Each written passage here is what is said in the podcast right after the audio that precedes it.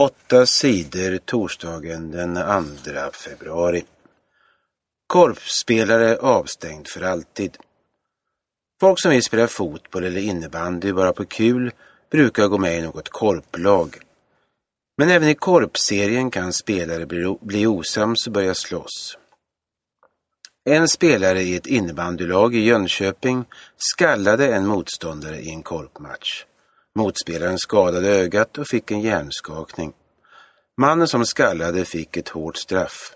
Han blir avstängd från allt spel i korpen på livstid. Mannen är också polisanmäld för misshandel. SD vill förbjuda hjälp till papperslösa. Sverigedemokraterna, SD, vill förbjuda människor att hjälpa olagliga invandrare att gömma sig i Sverige. Partisekreteraren Björn Söder är arg på poliser som inte vill ta emot tips om olagliga invandrare. Partiet har nu föreslagit att riksdagen ska stifta en ny lag som förbjuder folk att gömma människor som är i Sverige utan tillstånd, så kallade papperslösa. Alla som hjälper brottslingar ska straffas, säger Björn Söder. SD vill också ge polisen 140 miljoner kronor som ska användas i jakten på, andra, på olagliga invandrare. Åtta sidor TT. Fler avrättningar i Irak. På tisdagen avrättades 17 dödsdömda i landet Irak. Några av de avrättade hade dömts till döden för ett terrorbrott. Några hade dömts för andra grova brott. Hittills i år har Irak avrättat 51 personer. Det är många fler än vanligt. År 2011 avrättades 68 personer på hela året. Åtta sidor TT. Fredspriset granskas. När den svenska uppfinnaren Alfred Nobel dog ville han att pengarna skulle gå till att ge priser till människor som hade gjort nytta för mänskligheten. Detta skrev han i ett testamente. Priset är det som är känt som Nobelpriset. Flera olika Nobelpris delas ut. Nu ska den norska Nobelkommittén som delar ut Nobels fredspris granskas av Länsstyrelsen i Stockholm. Länsstyrelsen ska ta reda på om norrmännen bryter mot Nobels testamente. Den norska Nobelkommittén har genom åren delat ut priser till politiker från länder som har varit i krig, som Henry Kissinger och Barack Obama. Priset har också delats ut till människor som inte sysslar med fredsarbete, som miljöpolitikern Al Gore. Färja sjönk i havet. En färja har sjunkit i havet nära Papua Nya Guinea. Det fanns 350 människor ombord när färjan sjönk.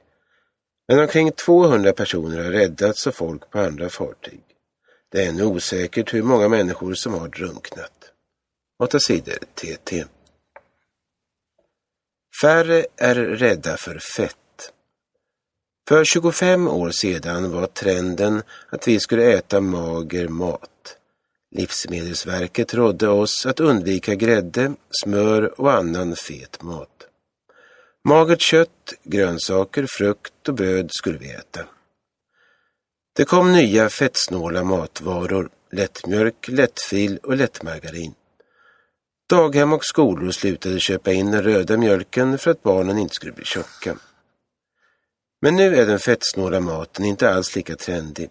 Istället väljer fler att äta smör och grädde, fet mjölk och fil. Svenskarna är inte lika rädda för fett längre. Flera studier visar också att människor inte blir tjocka och sjuka av smör och fet mjölk. Idrottsförbund kräver gratis OS i TV. Alla svenskar ska kunna se olympiska spelen gratis i TV. Det tycker ledarna för 23 svenska idrottsförbund. Idrottsledarna är oroliga för att företaget MTG har köpt rättigheterna till OS i Ryssland 2014 och Brasilien 2016. MTG kan välja att visa OS i en kanal som kostar pengar. De 23 idrottsförbunden vill att regeringen ingriper och ser till att svenska folket får se OS-tävlingarna utan att betala. Minst 74 döda i fotbollsbråk i Egypten. Fler än 70 människor dödades i ett stort bråk vid en fotbollsmatch i landet Egypten på onsdagen. Minst tusen människor skadades i det våldsamma bråket efter matchen i staden Port Said. Det var laget Al-Ali från Kairo som mötte hemmalaget Al-Masri. Efter matchen började en strid mellan bråkmakare från de båda lagen. Folk kastade stenar och flaskor. De slogs med käppar och knivar.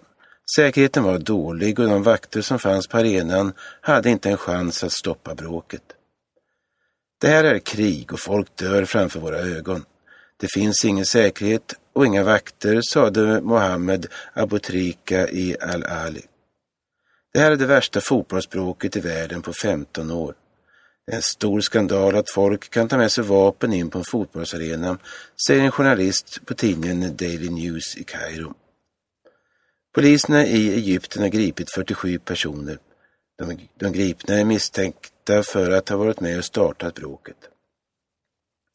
Regeringen bestämde att det ska vara tre dagars sorg i Egypten efter katastrofen. Åtta sidor TT. Odlade hornhinnor kan förhindra blindhet. Den som är blind eller håller på att bli behöver nya hornhinnor. Hornhinnan är den tunna genomskinliga delen av ögat. Det kan ta lång tid att få nya hornhinnor. De friska hornhinnorna måste tas från människor som har gått med på att ge bort dem efter att de har dött. Nu har två forskare i Göteborg lyckats odla stamceller från människors hornhinnor.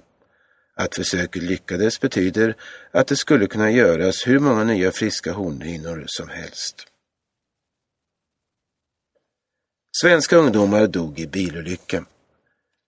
Fyra svenska ungdomar dog på onsdagen i en trafikolycka i Thailand.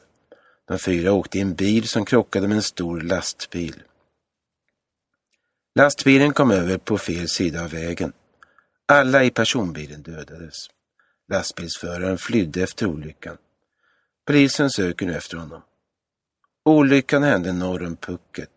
De fyra ungdomarna var på väg till Koh Tao när olyckan hände. De fyra ungdomarna kom från Varberg och var mellan 20 och 22 år gamla. Åtta sidor TT.